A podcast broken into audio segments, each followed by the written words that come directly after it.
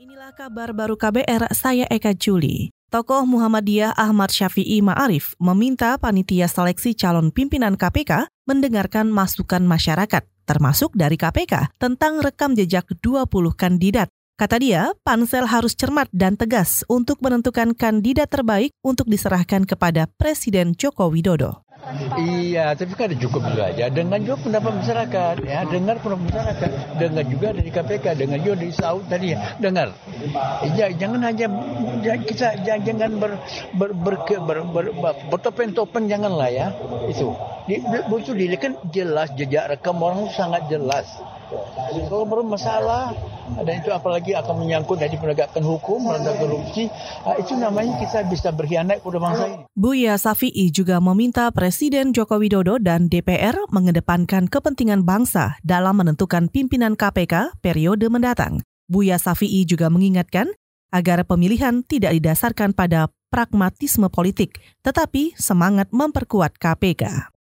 Saudara bekas Gubernur Jawa Timur Soekarwo dicecar 10 pertanyaan soal prosedur bantuan keuangan untuk Kabupaten Tulung Agung. Soekarwo kemarin diperiksa penyidik KPK sebagai saksi untuk tersangka Ketua DPRD Tulung Agung Supriyono dalam kasus pengadaan barang dan jasa di pemerintah Kabupaten Tulung Agung. Soekarwo mengklaim pemberian bantuan itu sesuai prosedur. Sesuai prosedur, sesuai aturan. Sudah sesuai aturan itu. Yes. Waktu itu Sudah saya kira. ketuk palunya berapa? Ya, yang nggak tahu teknis di tim teknis bukan saya. Oh, gitu, Pak. Gubernur hanya memberikan makro pembangunan aja. Itu tadi bekas Gubernur Jawa Timur Soekarwo.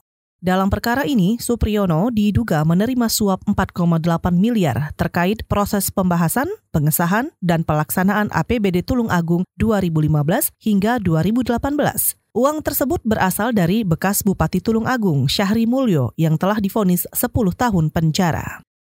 Saudara Polda Kalimantan Timur mengklaim wilayah yang akan dijadikan ibu kota baru memiliki tingkat kriminalitas rendah. Juru bicara Polda Kalimantan Timur, Ade Yahya Suryana mengatakan, dua kabupaten yang dipilih yakni Penajem Pasir Utara dan Kutai Kartanegara aman dari gangguan keamanan maupun ketertiban. Ya, saya kira kalau dilihat peta di Kalimantan Timur memang dua kabupaten itu mendek, apa, menempati posisi yang agak menengah ke bawah untuk dari segi angka kriminalitas ya. Juru bicara Polda Kalimantan Timur, Ade Yaya Suryana juga menyebut belum ada persiapan khusus terkait pengamanan rencana pemindahan ibu kota. Ia mengaku belum mengetahui apakah perlu pembentukan Polres baru di, di dua daerah tersebut.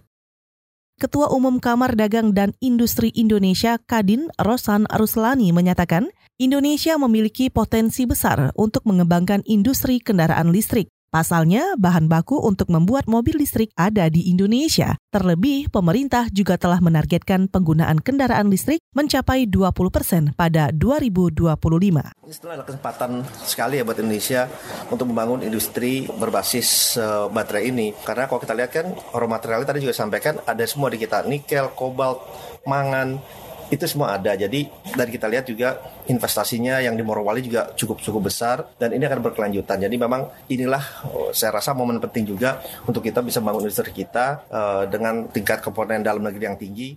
Ketua Umum Kadin Rosan Ruslan menambahkan, pemerintah, pelaku industri, dan pemangku kepentingan perlu duduk bersama menentukan arah kebijakan kendaraan listrik. Berdasarkan masukan pengusaha, insentif penghapusan pajak saja tidak cukup dan meminta insentif fiskal ditambah.